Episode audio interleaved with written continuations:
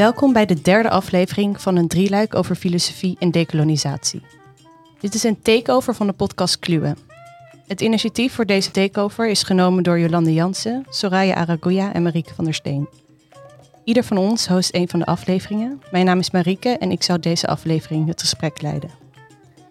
In deze serie denken we samen met onze sprekers na over verschillende vraagstukken gerelateerd aan filosofie en decolonisatie. In de eerste aflevering hebben we het onder andere gehad over decolonisatie van het filosofieonderwijs en wat de filosofie als academische discipline kan of moet doen om meer decoloniale benadering van het vakgebied mogelijk te maken. En ook wat dit voor de studiefilosofie betekent. De tweede aflevering ging over de vraag wat kolonialiteit en decolonisatie met de ecologische crisis te maken hebben en met de verhouding tussen mens en natuur. In deze derde en laatste aflevering stellen we de vraag hoe nu verder? Waarbij we focussen op de relatie tussen filosofie, decolonisatie en het maatschappelijke debat. In hoeverre kan filosofie als discipline bijdragen aan het gesprek over decolonisatie? Kunnen decoloniale filosofische benaderingen in de praktijk worden gebracht en wat zijn de obstakels? En hoe gaan we om met de erfenis van het koloniale verleden? Dit zijn geen makkelijke of eenduidige vragen, maar thema's en vraagstukken waar we in deze uitzending gezamenlijk over zullen nadenken.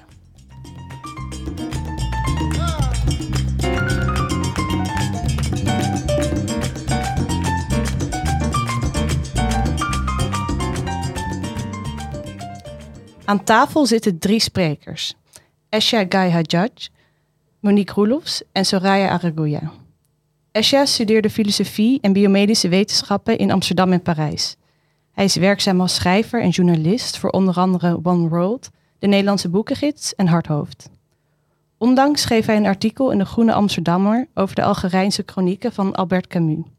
Geschreven tussen 1939 en 1958 in aanloop naar de bloedige decolonisatieoorlog, waarbij Algerije in 1962 onafhankelijk werd van Frankrijk. Monique is hoogleraar filosofie van kunst en cultuur aan de Universiteit van Amsterdam. Haar onderzoek verkent de relatie tussen esthetica en politiek, met een speciale focus op de dynamiek tussen race, gender, de natie, kolonialiteit en het mondiale. Ze schreef onder andere de boeken Arts of Address, Being Alive to Language and the World en Cultural Promise of the Aesthetic. Ze was gasteditor van uh, Aesthetics and Race, een speciale uitgave van het tijdschrift Contemporary Aesthetics. En momenteel co-edit ze de bloemlezing Black Arts and Aesthetics, Relationalities, Interiorities, Reckonings. En ze werkt aan een boek over decolonialiteit en tijdelijkheid in Latijns-Amerikaanse kunst en literatuur. Soraya studeerde filosofie aan de Universiteit van Amsterdam. Ze schreef haar scriptie over de potentie van racial dialogues om raciale structuren te transformeren. Ze werkt nu als dialoogbegeleider en organiseert onder andere racial dialogues. Ze doet onderzoek naar diversiteit en inclusie binnen verschillende organisaties. Soraya is een van de initiatiefnemers van deze podcast. En vandaag schrijft ze aan als gast om meer inhoudelijk bij te dragen aan het gesprek vanuit haar eigen expertise en werkervaring. Nou, welkom allemaal. Ja, vandaag gaan we het dus hebben over uh, filosofie, decolonisatie en meer het maatschappelijke debat. En uh, Monique, jij werkt binnen de cultuurfilosofie. Ik vroeg me af, wat zijn voor jou belangrijke denkers en concepten wanneer je het hebt over decolonisatie? Nou, sommige van de mensen die echt heel belangrijk zijn, zijn Frans Fanon, Audre Lorde, Gloria Anzaldúa. En dan nog andere uh, zwarte, queer en Latinx en Latijns-Amerikaanse feministen. Um, zoals um, Maria Lugonis en, en nog andere mensen zoals Angela Rama, Walter Mignolo en Gayatri Spivak. En dat is een hele lijst. Maar het lijkt me nu voor dit onderwerp wel interessant om het even over Stuart Hall te hebben. Die culturele theorist. Want um, vanuit een intersectioneel perspectief heeft hij beargumenteerd dat zwarte film en muziek essentieel zijn voor de creatie van zwarte subjectiviteit. En um, zijn visie uh, gaat ervan uit dat dat geen pure, uh, zuivere, quote-unquote, aangelegenheid is. Maar dat um, zich dat afspeelt in publieke ruimtes die, um, dat, dat engagement, dat, die esthetische activiteit, die speelt zich af in publieke ruimtes en instituties. En dat idee laat hij eigenlijk een beetje los, maar associeert hij wel met een specifieke vorm van kritische uh, aanspreking, adressering, het idee van adres, dat in de filosofie uh, belangrijk uh, is. Zou je dat concept van addressing iets kunnen toelichten? Ja, dat gaat bijvoorbeeld over als je een glaasje water drinkt, dan, drink je, dan adresseert jouw lichaam dat glas en het glas adresseert jou. Dus het is multimodaal. Maar nu zijn wij bijvoorbeeld ook elkaar aan het adresseren en impliciet die mensen die wij thuis achter, uh, achter de afwas uh, of uh, ja, aan de computer ons voorstellen. Dus dat is een multimodaal be begrip. En in de filosofie is dat verbonden met ideeën zoals ideologie, um, door bijvoorbeeld Althusser. Maar in de hedendaagse filosofie zie je ook dat Stuart Hall dat dus in de context van een zwarte politiek belangrijk vindt. En als je nadenkt over dat begrip, dan, dan, dan heeft dat volgens mij heel veel mogelijkheden om um, de problematiek, de filosofische problematiek van de geschiedenis van conceptuele tegenstellingen um, aan te vatten. Uh, waarin ja, we hebben te maken met een, uh, een, geschiedenis van de filosofie. Die lichaam en geest, reden en emotie, individu en het algemene, publiek en privé, detail en geheel.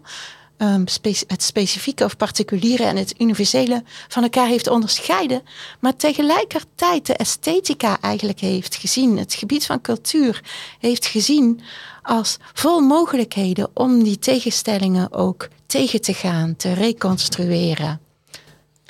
Uh, zou je nog iets, voordat we doorgaan op de esthetiek, nog iets meer kunnen vertellen over hoe die wisselwerking precies werkt tussen esthetica, publieke ruimtes en het subject? Uh, hoe, ja, hoe die dynamiek, hoe je die ziet. Ja, nou eventjes een heel simpel voorbeeld, want ik had het net over die uh, contextuele, um, conceptuele tegenstellingen.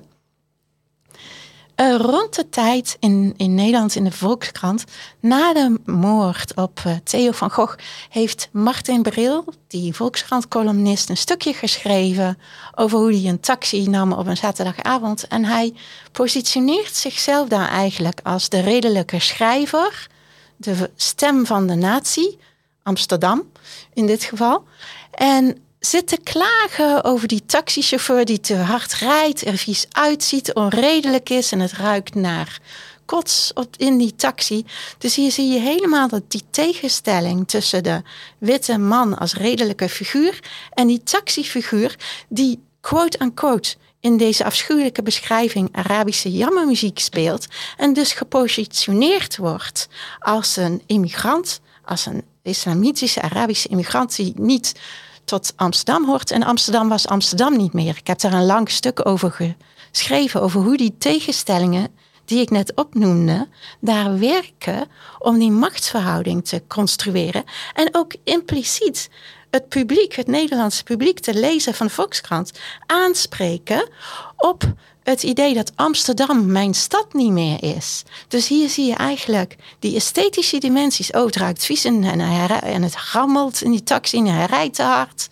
Die esthetische dimensies, die worden gebruikt om een bepaald idee van de natie, van, van het land uh, te construeren en van, en van de bevolking. Dus er is die aanspreking, die impliciete aanspreking aan een bepaald publiek. En dan is er ook die, uh, die adressering aan die geschiedenis, die geïnstitutionaliseerde publieke um, organisatie, die wij, die, die historisch gezien, waar de filosofie aan, aan bij heeft gedragen. Martin Bril ja, participeert daarin en geeft dat een verder zetje om dat in een bepaalde richting te duwen. Dus je hebt adressering op allerlei niveaus. De taxi adresseert hem, de taxichauffeur adresseert hem op een manier die hem niet bevalt. En hij adresseert de taxichauffeur terug en het publiek terug om dat te herstellen. Dus je ziet hier een publieke institutionele dynamiek die gebaseerd is op vormen van adressering. En daarom schrijf ik daarover. Ik beschrijf dit uh, gebeuren in, in uh, dat boek The Culture Promise of the Aesthetic. En je had het net ook over de geschiedenis. Welke geschiedenis refereer je dan precies aan? En hoe zie jij dat voor je in hoe dat geïnstitutionaliseerd is? Nou, de, de koloniale geschiedenis, maar ook de geschiedenis van raciale constructies die wij bewonen. En waar de geschiedenis van de filosofie een, een conceptueel onderdeel van is, dat een rol speelt. Want hoe wij denken over lichamen en publieke ruimte, hoe wij denken, onze conceptuele eh, frameworks, die hebben materiële realiteit die organiseren onze emoties, onze gevoelens, uh, vormen van politieke macht en vormen van en, en, politieke mogelijkheden die er ook zijn. Dus, dus die geschiedenis is enerzijds problematisch en anderzijds zit die vol mogelijkheden om het anders te doen. Op grond waarvan ik altijd ook als filosoof wil vragen: Nou, wat zou een bruisend en rechtvaardig cultureel uh, leven zijn? En hoe kunnen we dat realiseren? En hoe kan de filosofie daaraan bijdragen? En hoe, hoe zie jij het antwoord zelf op die vraag? Oeh, jee. Even kijken. Nou ja, ik ga dus uit van, dat, van de mogelijkheden van het idee van adressering. Um, bijvoorbeeld Sarah Ahmed, die um, associeert witte instituties, uh, witte ruimtes, met de recruitment, een, een vorm van adressering aan, aan uh, mensen. Dat je, you, you have to sign up, als het ware, voor witte publieke ruimtes. Frans Fanon heeft het over die claim, kijk, een zwarte persoon, dat losstaande idee dat dan eigenlijk de ruimte construeert, een, een, een, organisatorische rol speelt. Dus wat ik doe, is kijken naar die vormen van adressering. En um, binnen de decolonialiteit, bijvoorbeeld vanuit het Latijns-Amerikaanse en Latinx denken, hebben denkers zoals uh, Mignola Gloria uh, en uh, Maria Lugones nagedacht over de kolonisatie van tijd en ruimte dus ik denk dat je die vormen van adressering, zoals ook Lugones uh, suggereert, kan gebruiken om die instituties te reorganiseren. En ook bepaalde very tricky vormen van adres, adressering. Zoals bijvoorbeeld wat uh, filosofen noemen een onmogelijke adressering.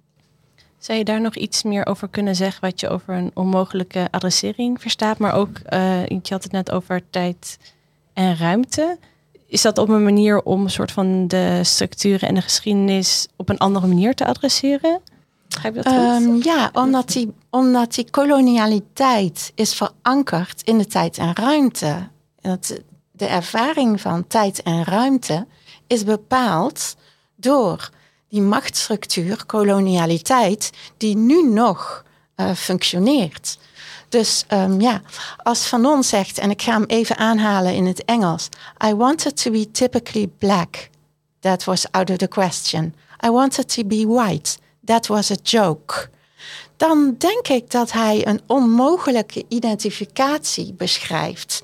En in de context van uh, Algerije heeft Rancière daar ook naar verwezen. Maar daar kunnen we het misschien uh, later nog over hebben.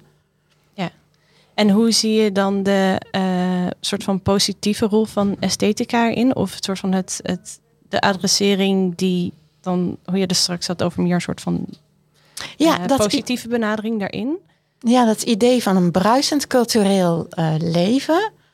Um, ik denk dat esthetische dimensies daar een ontzettend belangrijk element van zijn.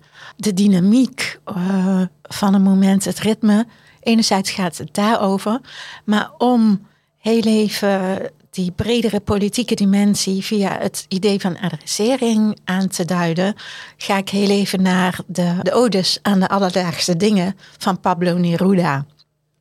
En daarin uh, heeft hij het over uh, de adressering aan de appel. Hij, direct, hij, hij adresseert de appel direct en het brood en de lepel.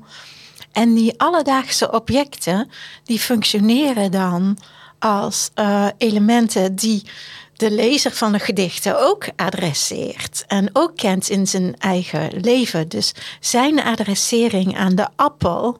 En hij stelt zich bijvoorbeeld een hele rivier van appels voor, waarbij iedereen een appel kan eten.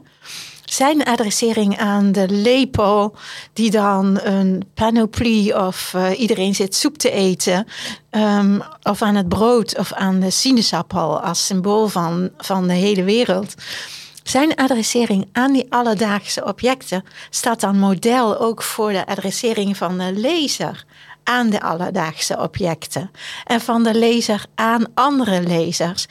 Dus hij gebruikt het idee van adressering aan die objecten als basis voor een beeld van een uh, heterogene en een gelijke maatschappij, waarin de relaties tussen mensen en tussen mensen en dingen en mensen en dingen en ruimtes en mensen en ruimtes zo georganiseerd zijn dat er een, een belofte van een gelijkwaardige cultuur um, tot uitdrukking gebracht wordt. En met dit voorbeeld wil ik eigenlijk aangeven dat ja, die adressering een vorm van relationaliteit uh, betekent. En ik denk dat, je dat, dat de dialoog daar ook een voorbeeld van is. Maar dit is een andere structuur van adressering dan een dialoog. Een dialoog, daar heb je ook luisteren en praten met elkaar, die een structuur van adressering creëert. En voor Pablo Neruda, die geeft ons dan een beeld van een structuur van adressering die wij kunnen bewonen. Dus die belofte kunnen wij oppakken en verder, uh, daar kunnen wij verder mee gaan, verder mee werken. Dus ook aan de hand van de, de structuren, ook de machtsstructuren die daar zijn, door middel van adressering kunnen we ook andere soort van vormen van alledaagsheid uh, bewerkstelligen die soort van die machtsstructuren doorbreken of daar die meer vanuit die belofte van gelijkheid uitgaan. Ja, precies. Ik ga eventjes naar Soraya. Ja. Want jij bent ook bezig geweest nou, op een wat andere manier, denk ik, met het, ook ja. het adresseren van koloniale geschiedenis, machtsstructuren. En dan met name als het gaat over dialoog hierover. Mhm. En je hebt je scriptie ook geschreven over racial dialogue. Zou je iets eerst kunnen vertellen? Wat, wat is racial dialogue precies? Wat ja, versta je daaronder? Ja, zeker. Ik denk dat het, voordat ik uitleg wat een racial dialogue is, en ik ga trouwens de term in dit gesprek gebruiken, um, dialoog over ras.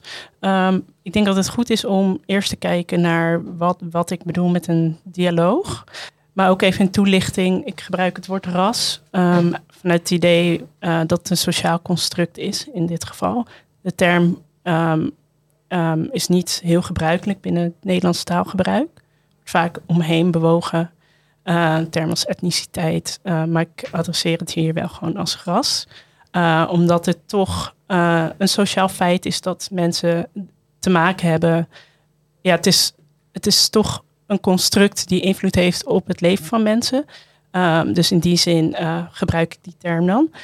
Maar ja, het is handig om eerst te kijken van wat is een dialoog? Want um, in, in deze context. Een dialoog in de breedste zin van het woord kan eigenlijk kan een gesprek zijn, gewoon een alledaags gesprek. Maar hier ga, gaat het specifiek om een gestructureerd gesprek. Gebaseerd op um, ja, een specifieke filosofie over de dialoog. Um, ja, dus in mijn scriptie heb ik specifiek gekeken naar het werk van Martin Buber. En hij benadert eigenlijk de dialoog als. Um, ja, zowel hij maakt een link tussen dialoog als een ontologie, maar ook als een sociaal-politieke filosofie. En wat hij eigenlijk zegt is dat dialoog kan je begrijpen als een intermenselijke relatie. Um, het is een manier van zijn. En hij zet dat tegenover een andere manier van zijn. Um, deze relatie beschrijft hij als I-DAO. Dit deze woorden uh, hou ik in het Engels. En een I-it. En de I-it is een, veel meer een, relatie waarin de ander wordt gezien als object. En de I-DAO-relatie treed je in relatie tot elkaar. En um, kenmerkend aan deze relatie is dat het, het, het, is een vluchtig moment. Niet elk moment is een, uh, is een dialogisch moment. En het is een wederkerige relatie waarin je je laat beïnvloeden door de ander en open staat voor de ander. En hij zegt, in dit soort momenten is het mogelijk om uh, dingen te veranderen. En dit klinkt misschien, um, misschien, misschien, niet meteen te vat van hoe ziet dat er nou uit. En het zijn ook momenten die niet, zich niet vaak voordoet. En hij zegt ook, vooral in de, in de hedendaagse um, samenleving, en dat was in zijn tijd, maar ik denk dat het nu ook nog opgaat, doen dit soort momenten niet, eh, niet vaak voort, omdat eh, de samenleving daar niet op ingericht is. Uh, die momenten zijn dan de momenten dat mensen wel tot elkaar treden. Klopt dat? Of, ja, precies. Ja. ja.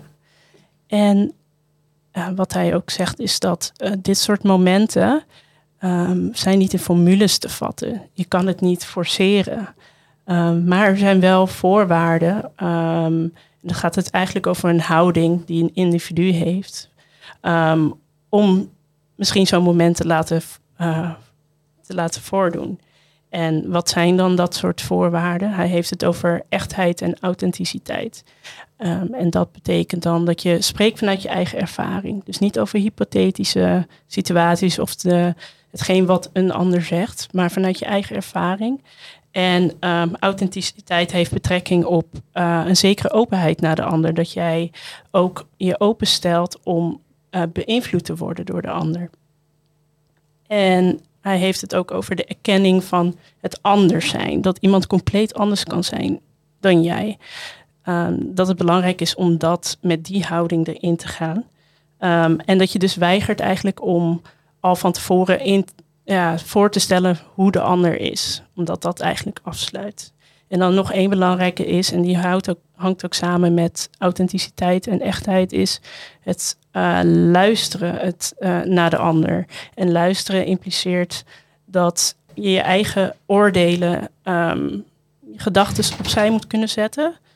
Uh, het mag er wel zijn hoor, maar even opzij om de ander in jou te kunnen laten toetreden. Dus dat zijn um, eigenlijk de, dus luisteren, um, het erkennen van de vreemdheid van anderen en eh, echt zijn uh, ja, een soort van voorwaarden. En in een gestructureerde dialoog wordt eigenlijk geprobeerd om deze voorwaarden te waarborgen, te bewaken. En dat is ook de basis voor een raciale dialoog. En ik, uh, ik heb uit het werk, ja, Buber, dat zal je in dit citaat ook horen, um, uit het werk van Joshua Miller en Susan Donner. Um, ik zal de, het citaat even voorlezen over wat een dialoog over ras dan is. Dialoog over ras en racisme bieden individuen de gelegenheid om te onderzoeken wie ze zijn in relatie tot anderen en biedt hen tevens de gelegenheid na te denken over de betekenis van hun eigen en andermans sociale identiteit en het behoren tot een groep. Dialogen over ras zijn in wezen gestructureerde gesprekken die aanmoedigen om zichzelf te uiten en te luisteren naar anderen die over ras en racisme praten. Gehoopt wordt dat door een direct, open en eerlijk contact het begrip en de samenwerking tussen groepen zal verbeteren. Ten slotte zal een beter begrip hopelijk leiden tot acties om racisme in al zijn vormen te bestrijden. Dus eigenlijk in deze definitie hoor je heel veel van wat ik net zei over Bubers uh, idee van een dialoog terug. Maar een een dimensie die hier aan toe wordt gevoegd, is eigenlijk het belang van de sociale identiteit. Um, dat is hetgeen wat besproken wordt en dat is hetgeen ook wat aanwezig is. En um, wat belangrijk is om uh, bij uh, dialoog over ras um, in acht te nemen, is dat wanneer je in een dialoog treedt, dat je al bepaalde je identiteit meeneemt in het gesprek. En dat is ook het problematische en het moeilijke aan uh, dialoog over ras. Ja, ik vroeg me ook af, want dit is zeg maar de theoretische kant, maar je doet ook echt deze gesprekken. Je, toch? Je organiseert uh, dergelijke dialogen. Um, hoe, hoe, gaat dat? Of hoe loop je daar, dan loop je tegen bepaalde dingen aan? Of ja. Um, ja, ik doe specifiek. Uh, ik heb op dit moment enkel dialoog gedaan voor ja, witte Nederlanders. Um, en daar heb ik ook een specifieke reden voor. Um, zoals ik net al eindigde van, um, het, het, is een vrij complex iets, omdat uh, de raciale identiteit die we meenemen ook eigenlijk het uh, bemoeilijken om echt in tot een dialogisch moment te komen. En het vereist als dialoogbegeleider sowieso heel veel kennis over je eigen identiteit, wat je zelf meeneemt. Maar ook het opmerken van deze, uh, van deze dynamieken. Want het gaat hier um, ook om macht. Um, en hoe je dat aanpakt. Dus het, het, is echt een skill die je, die je ontwikkelt. Een gevoeligheid voor uh, wat er afspeelt en welke dynamieken zich afspelen in een ruimte. En um, zelf als beginnend dialoogbegeleider denk ik dat het niet heel handig is. En daarnaast denk ik ook, en dat is ehm, dat dialoog voor witte mensen eigenlijk een goede basis is om mee te beginnen. Om eigenlijk eerst bewust te worden van de eigen identiteit en van bepaalde structuren, raciale structuren die er bestaan. En dan vervolgens over te gaan naar gemengde groepen uh, op basis van ras. Um, ja, dus ik doe zelf alleen uh, momenteel gesprekken voor witte Nederlanders. En dat zijn ook, um, het is een reeks. Dus het bestaat uit zes verschillende um, bijeenkomsten. Waarin we verschillende aspecten bespreken van, van racisme. En er zit ook tijd tussen, want je kan een gesprek hebben, je kan elkaar beïnvloeden en het meenemen in, uh, laat zeggen, de, ja, gewoon de wereld waarin je leeft. Um, het kunnen toepassen, te kunnen zien en dan weer vervolgens terug te komen. Dus een soort van feedback loop eigenlijk. En dat uh, omslaat dan een tijdsperiode van een, ruim een half jaar. Ja, ik vroeg me af, want uh, je zegt inderdaad, we moeten hier beginnen. Heb je ambities om dat nog verder te trekken? En dat is ook een beetje naar aanleiding van het begin van je, begint je scriptie met een voorbeeld van een debat bij de NPO vorig jaar over racisme.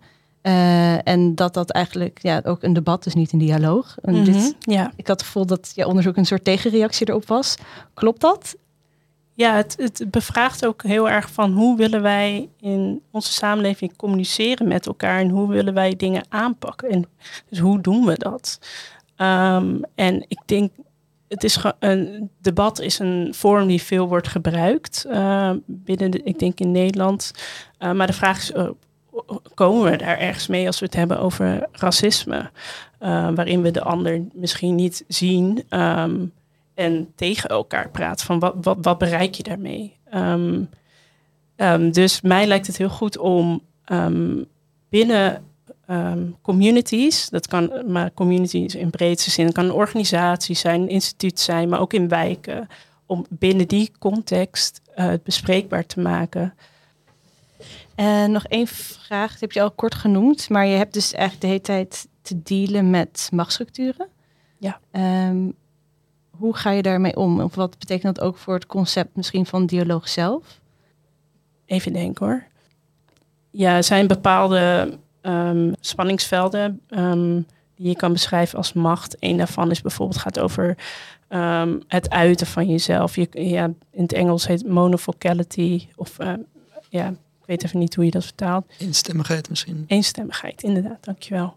Um, en uh, wederkerigheid. En als je merkt dat een, dat een gesprek die kant op gaat naar een eenstemmig, uh, ja, een eenstemmig gesprek, dan kan je uh, optreden en het woord bijvoorbeeld geven aan andere mensen. Um, dat, dat is bijvoorbeeld een voorbeeld van um, wat je kan doen als begeleider. Um, ja, dus, maar dan moet je wel bewust zijn van wat voor dynamieken er kunnen bestaan en wat, wat veel voorkomend is. Ja. En het is natuurlijk ook anders bij een dialoog dat je zelf soort van de voorwaarden kan creëren. Als ik vergelijk bijvoorbeeld wat Monique net over had, waar in de publieke ruimtes je je te midden van al die dynamieken bevindt, die in een dialoog natuurlijk ook, maar dat je een bepaalde setting kan. Ja, en dat is denk ik ook heel belangrijk. Als je dat gezamenlijk doet als groep, deze voorwaarden schept, dan kan je elkaar ook uh, adresseren in die zin. Um, en elkaar erop wijzen. Het is een uh, groepsbesluit om te houden aan die specifieke intenties of regels.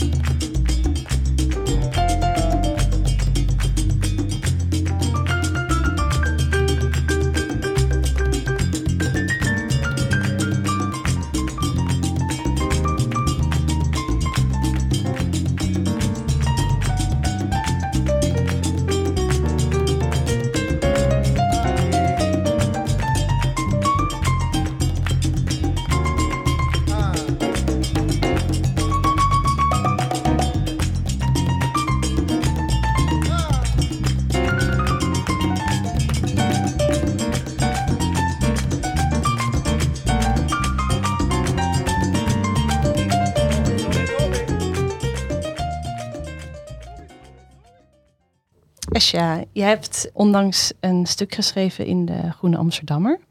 over de uh, Algerijnse chronieken van Camus. En ik vroeg me af, wat was voor jou de, de aanleiding om dat stuk te schrijven? Um, nou, allereerst dus de vertaling van de Algerijnse chronieken. Um, die, waarvan ik zelf vond dat die eigenlijk... Ik was heel blij met de vertaling, omdat ik het idee heb dat Camus nog altijd een bepaalde positie heeft in, nou ja, laten we zeggen, wereldliteratuur als een soort Franse schrijver die universele geldige boeken als de vreemdeling heeft geschreven. Um, en dat hij heel weinig wordt gesitueerd in zijn context, namelijk Frans-Algerije. Dat hij dus niet helemaal een Fransoos was zoals mensen vaak denken. Hij ziet zichzelf ook niet per se uh, als een Fransoos. En wanneer hij wel in die koloniale context gesitueerd wordt, dan zie je eigenlijk dat hij heel snel al in een soort kamp terechtkomt. Van of je bent voor Camus en uh, wat hij doet is goed. Um, en wat hij schrijft is goed en het is een redelijk man en we moeten gewoon zijn stukken kunnen lezen. Of je komt in een ander kamp terecht, namelijk nee, hij is een kolonist. We moeten geen aandacht meer aan hem schenken. Zijn ideeën zijn moreel verwerpelijk, et cetera. En er was al een recensie verschenen van die Algerijnse chronieken in de Volkskrant.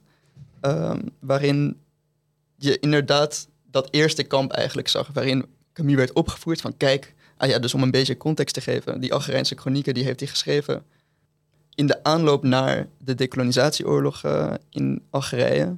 En hij noemt het ook een soort laatste pleidooi om te laten zien wat hij vindt van Algerije in al zijn complexiteit. Omdat hij niet stellingname, hij wil geen stelling nemen. Hij wil niet zeggen ik ben voor of tegen onafhankelijkheid.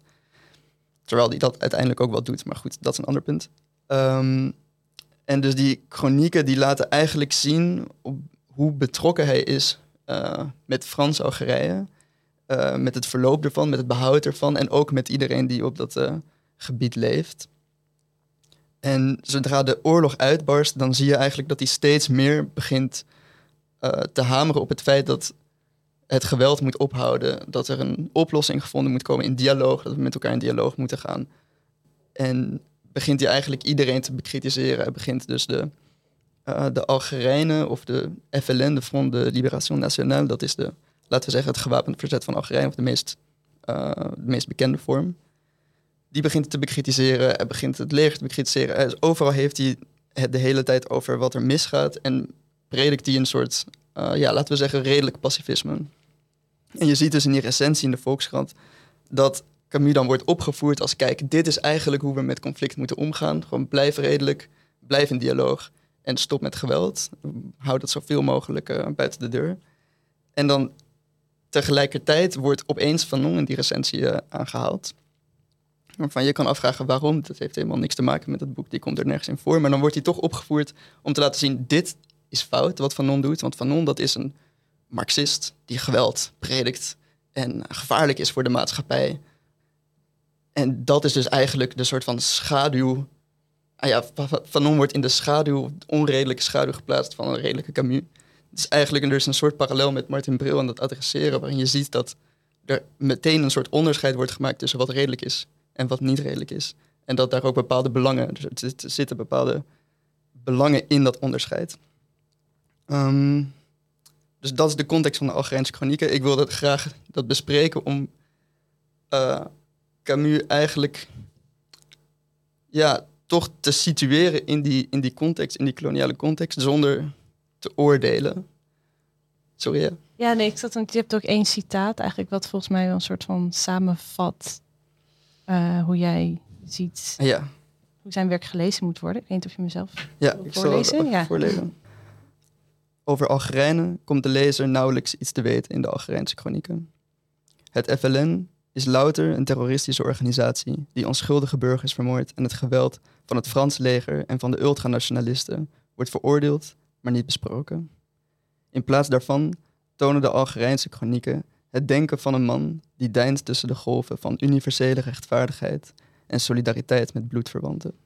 Golven die stuk slaan zodra ze de Algerijnse kust bereiken. Um, ja, dus dat, dat is het citaat. Ja. Ja, dus ik probeerde hem inderdaad te situeren in die context. Dat, dat, blijft, uh, dat blijft het hoofddoel. En je ziet dus dat Camus dat zelf in die chronieken niet doet. Hij blijft een soort universele rechtvaardigheid preken. En dan zegt er dus, de mensenrechten moeten beschermd worden of gelijkheid is een soort doel wat we allemaal moeten nastreven. En er zit dus een heel universalistisch ja, argumentatietrand in zijn schrijven, die tegelijkertijd, zodra we echt bij de concrete oorlog komen, die heel veel levens opeist, die heel veel geweld, uh, waar heel veel geweld bij komt kijken, en dat is de context waarin hij die stukken schrijft, zodra het concreet wordt en gaat over wat moeten we doen met Algerije, dan zie je toch dat hij eigenlijk een soort ja, rechtsomkeerd maakt. Uh, en zegt, maar Frans-Algerije moet blijven. We moeten, we, er moeten hervormingen komen of zoiets om de situatie voor Algerijnen, of hij noemt ze natuurlijk ook niet Algerijnen, maar hij zegt dan uh, Kabyles en, en, en Arabieren, uh, om die situatie voor hen beter te maken. Maar geweld moet ophouden. We moeten in dialoog praten, omdat dat voor hem een heel concreet belang is. Dus om het eventjes goed concreet samen te vatten, is dus zijn universele discours, dat wordt eigenlijk, ja, dat breekt op zodra het gaat over die particuliere belangen die hij heeft als Franse Algerijn, die bang is dat hij en de zijnen door terroristische aanslagen uh, worden geraakt, of die bang is dat ze het land uit moeten, uh, waar ze zich wel mee identificeren. Dus terugkomend op dat citaat over die golven waar die op deinst, dat is dus aan de ene kant die, zijn denktrand die heel universalistisch is en heel, ja, heel moreel ook ergens, uh, over rechtvaardigheid en vrede. En dan de andere golven zijn toch ja, die, die gesitueerde belangen die hij heeft van ik wil hier wel blijven. En dat je ziet dat zodra het dus over Algerije gaat, eigenlijk tegen wil en dank in zijn argumenten niet meer landen op de grond. Als dat een beetje duidelijk is. Eigenlijk dat het helemaal in de theorie soort van blijft hangen zonder dat uh, zijn eigen uh, positionaliteit daarin erkend wordt, in die theorie ook? Ja, zelfs, zelfs nog, het kan zelfs nog wat verder gaan in de zin van uh, het feit dat hij dat univers die universele rechtvaardigheid blijft, blijft hoe noem je dat, verdedigen. Dat, uiteindelijk is dat ook niet zo universeel, omdat je ziet, zodra het gaat over wie moet dan die universele rechtvaardigheid in stand houden, dan is dat Frankrijk. En is dat dan nog zo universeel? Of wordt het dan toch weer iets heel particuliers? En um, je hebt dit stuk nu geschreven in deze tijd. We hebben het net ook al gehad over hoe we nu nog steeds met ja, koloniale erfenis zitten en hoe we daarmee om moeten gaan. Wat is voor jou het belang om het werk van Camus nu te bespreken? Nou, dus wat ik net ook zei over moet je Camus in een kamp plaatsen of niet? Um, voor mij moet dat niet. Ik denk dat zodra mensen kritiek hebben op zo'n grote schrijver als Camus, dat er al heel snel wordt gezegd, oh, je velt dus een soort moreel oordeel. Said heeft ook heel veel, uh, of Edward Said, dus een belangrijke postkoloniale denker, die heeft ook veel over Camus geschreven. En je ziet ook nog steeds dat mensen het hem eigenlijk ergens kwalijk nemen dat hij dat heeft gedaan. En dat ze zeggen van ja, maar je, je zet hem nu weg. Uh, Said heeft daar ook altijd op geantwoord van ik zet hem niet weg. Ik denk gewoon dat er hier bepaalde lagen in zijn werk zitten die we niet uitdiepen.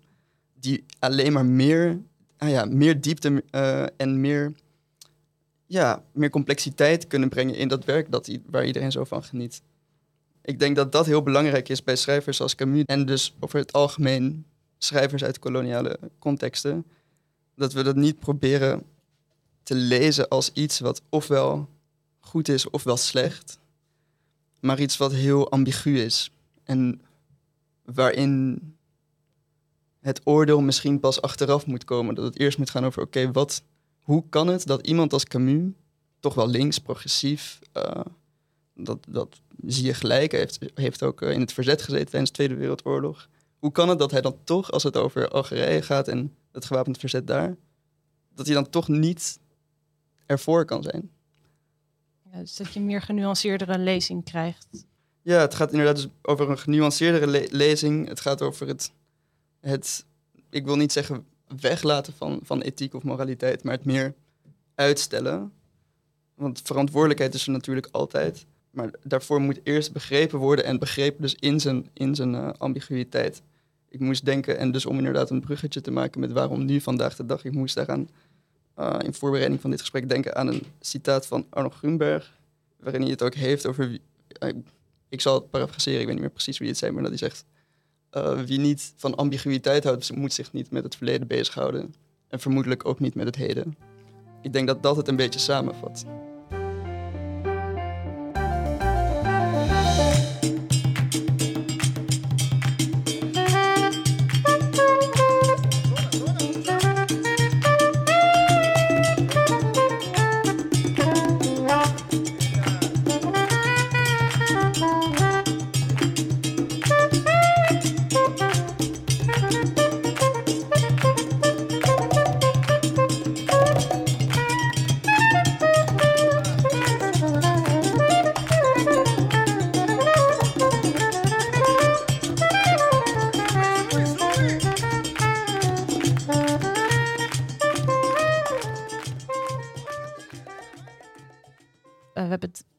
Gehad over ambiguïteit, uh, mogelijkheid tot verandering, verantwoordelijkheid. Hoe zien jullie dat die drie dynamieken soort van samenhangen of dat samenspel daartussen?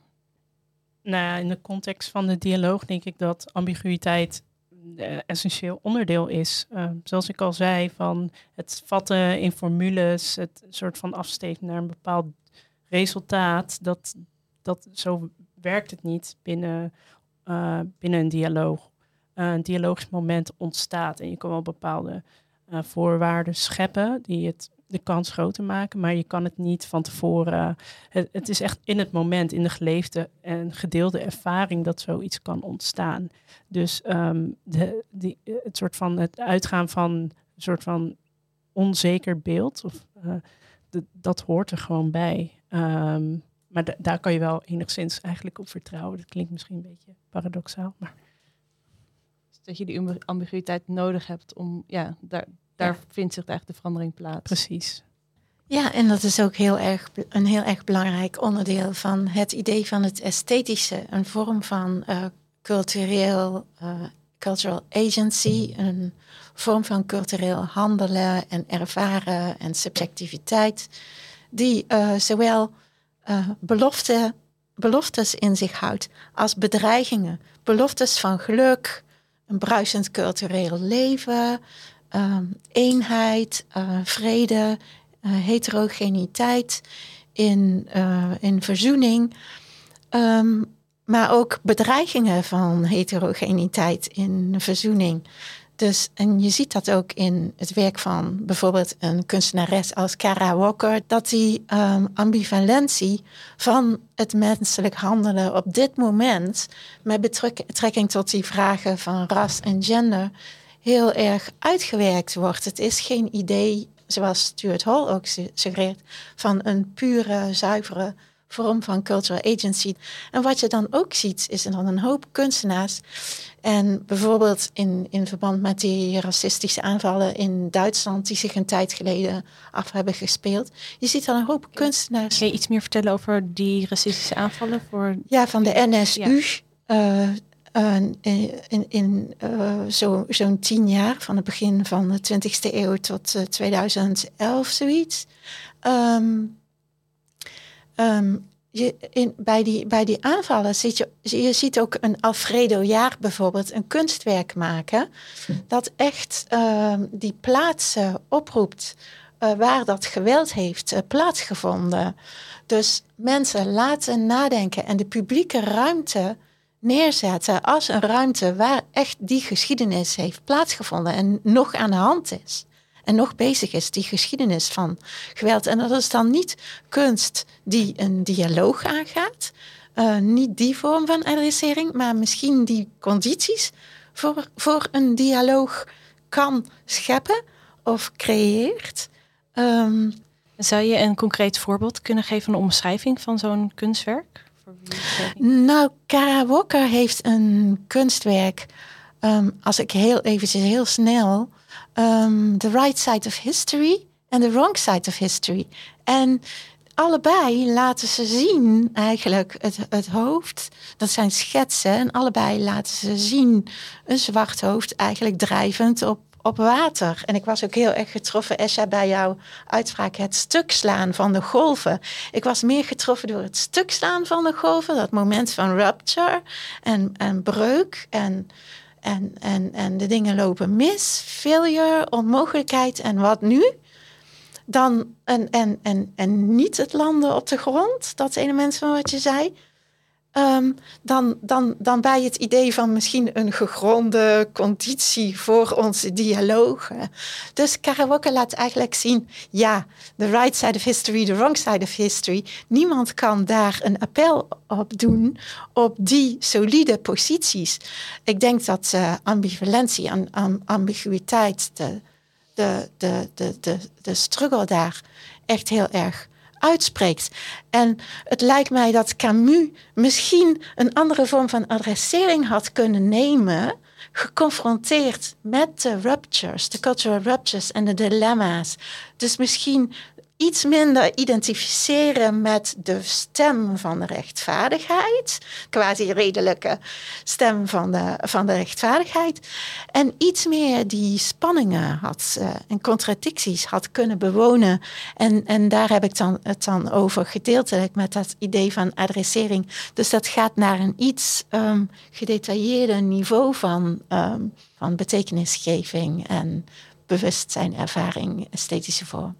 Ja, ik kan me ook wel voorstellen dat als je inderdaad afdaalt naar dat niveau waarin je eigenlijk die spanningen en die contradicties probeert eh, te bewaren op een bepaalde manier, dat daar ook heel veel kwetsbaarheid bij komt kijken, dat dat misschien ook met die racial dialogues heel erg, ah ja, dat daar een verband tussen zit, tussen kwetsbaarheid en het, het laten zien van eigenlijk alles wat, wat niet steek houdt bij jezelf.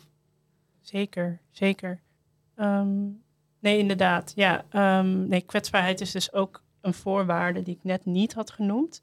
Um, omdat het eigenlijk uh, een soort van uh, op het moment dat je kwetsbaar openstelt, uh, ook de mogelijkheid ontstaat om um, de ander te kunnen helpen.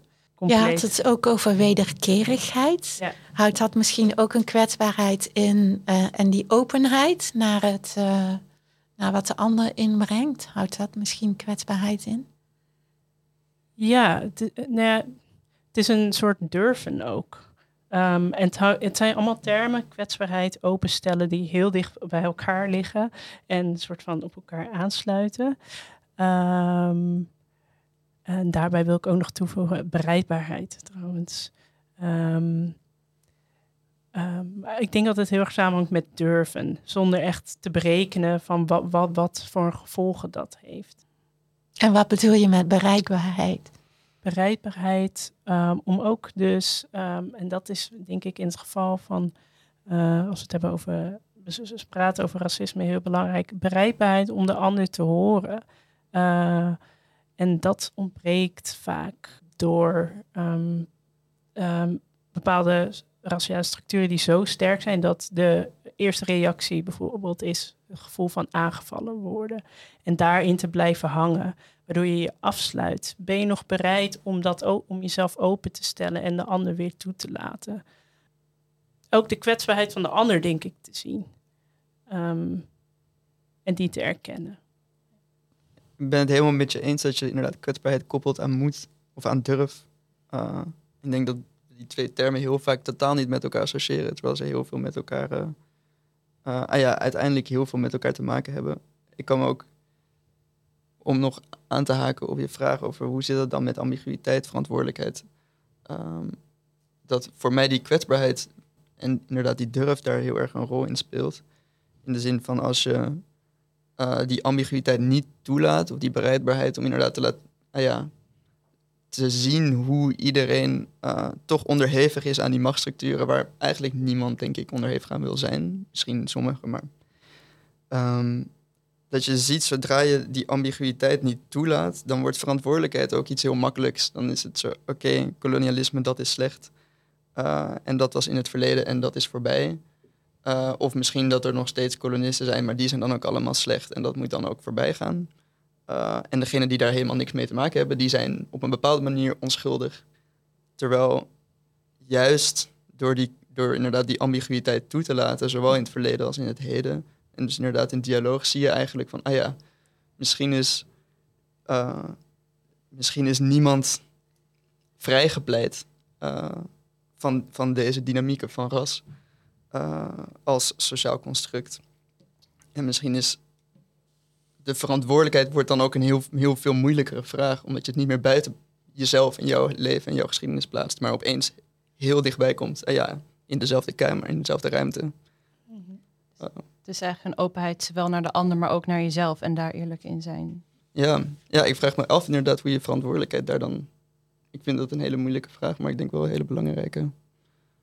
Um, ja, want zoals ik al zei in de dialoog die we doen, um, dat is een bepaalde reeks. En op het einde is het ook van, oké, en wat, wat kan ik nu doen? Um, want het, het, proces, het beseffen dat je dus onderdeel uitmaakt en ook handelt naar structuren en dat bepaalde raciale structuren jou ook voordelen geven en de oneerlijkheid daarvan inzien, uh, roept inderdaad het vraagstuk verantwoordelijkheid op. En de vraag van, maar wat, wat kan ik doen? Of als individu, wat, ik behoor ook tot een groep en verschillende lagen.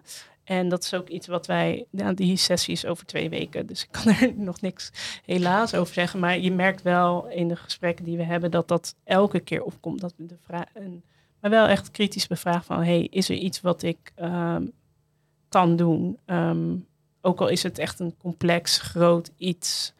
Ehm, maar ja, ik, ik moet nog afwachten hoe Ja. dat gesprek gaat zijn. Ja.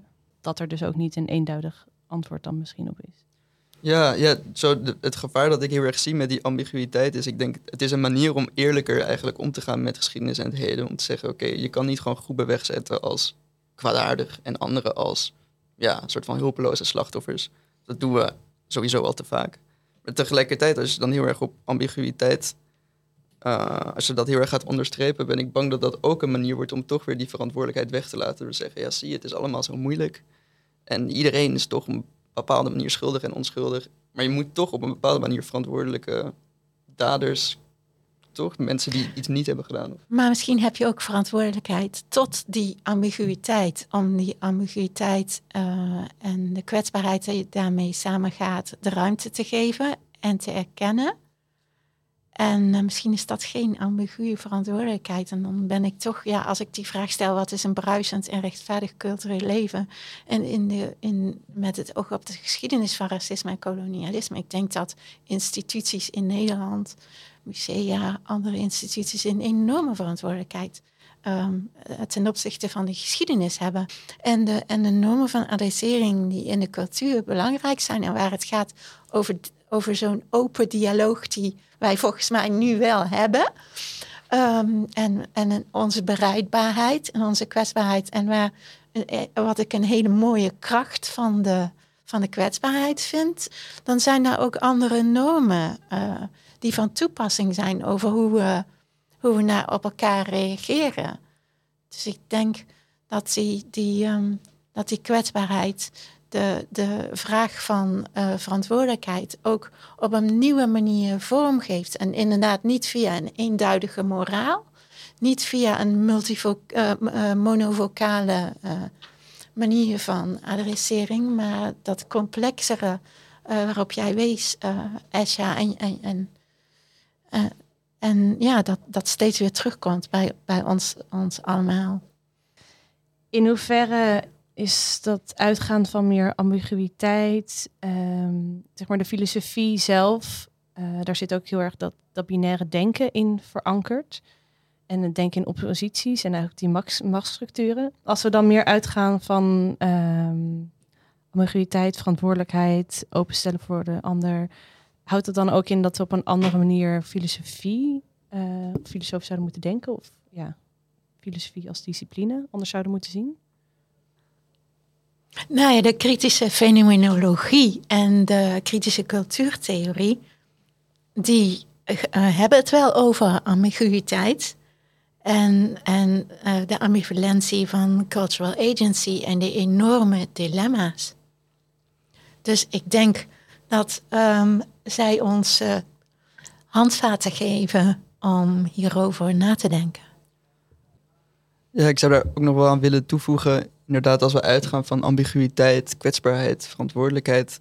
Ik denk dat de filosofie daar heel veel aan kan toevoegen als er eerst inderdaad een proces van zelfreflectie is. ehm, waarin filosofie, zoals dat gedoseerd wordt, inderdaad ook veel meer ruimte maakt voor die ambiguïteit. En, en de verantwoordelijkheid die ze zelf hebben ten opzichte van de maatschappij ook erkennen.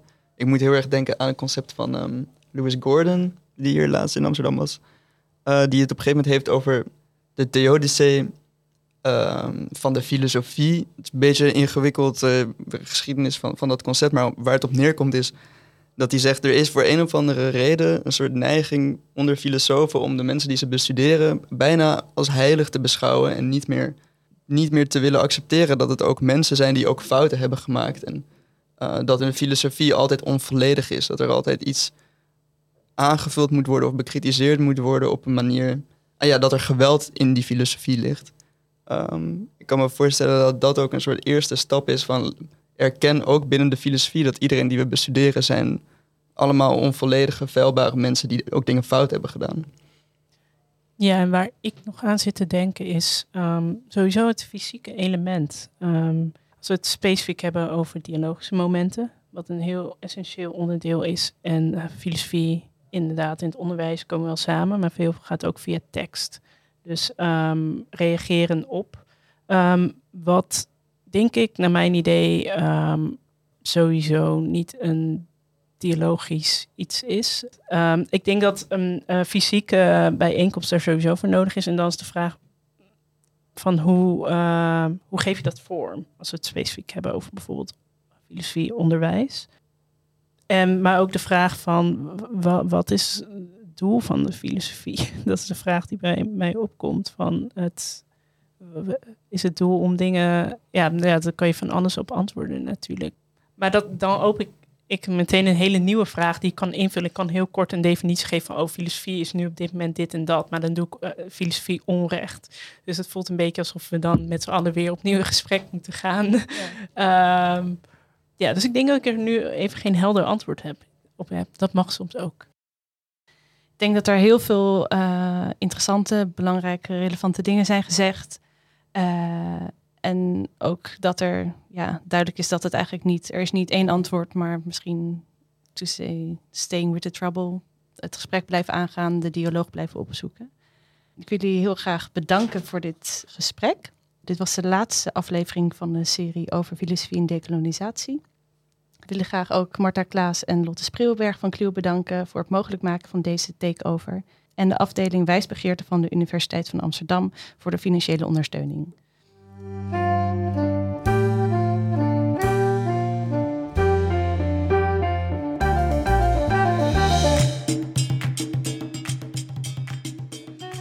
Dit was de Takeover-serie over decolonisatie en filosofie. De muziek in deze aflevering was het nummer Telele van Vernon Chatelain. Wat vond je van deze serie? Laat het ons weten. Heb jij ook een goed idee voor een kluwe aflevering of miniserie? Pitch je takeover aan ons en gebruik Kluwe als platform voor jouw filosofie-podcast.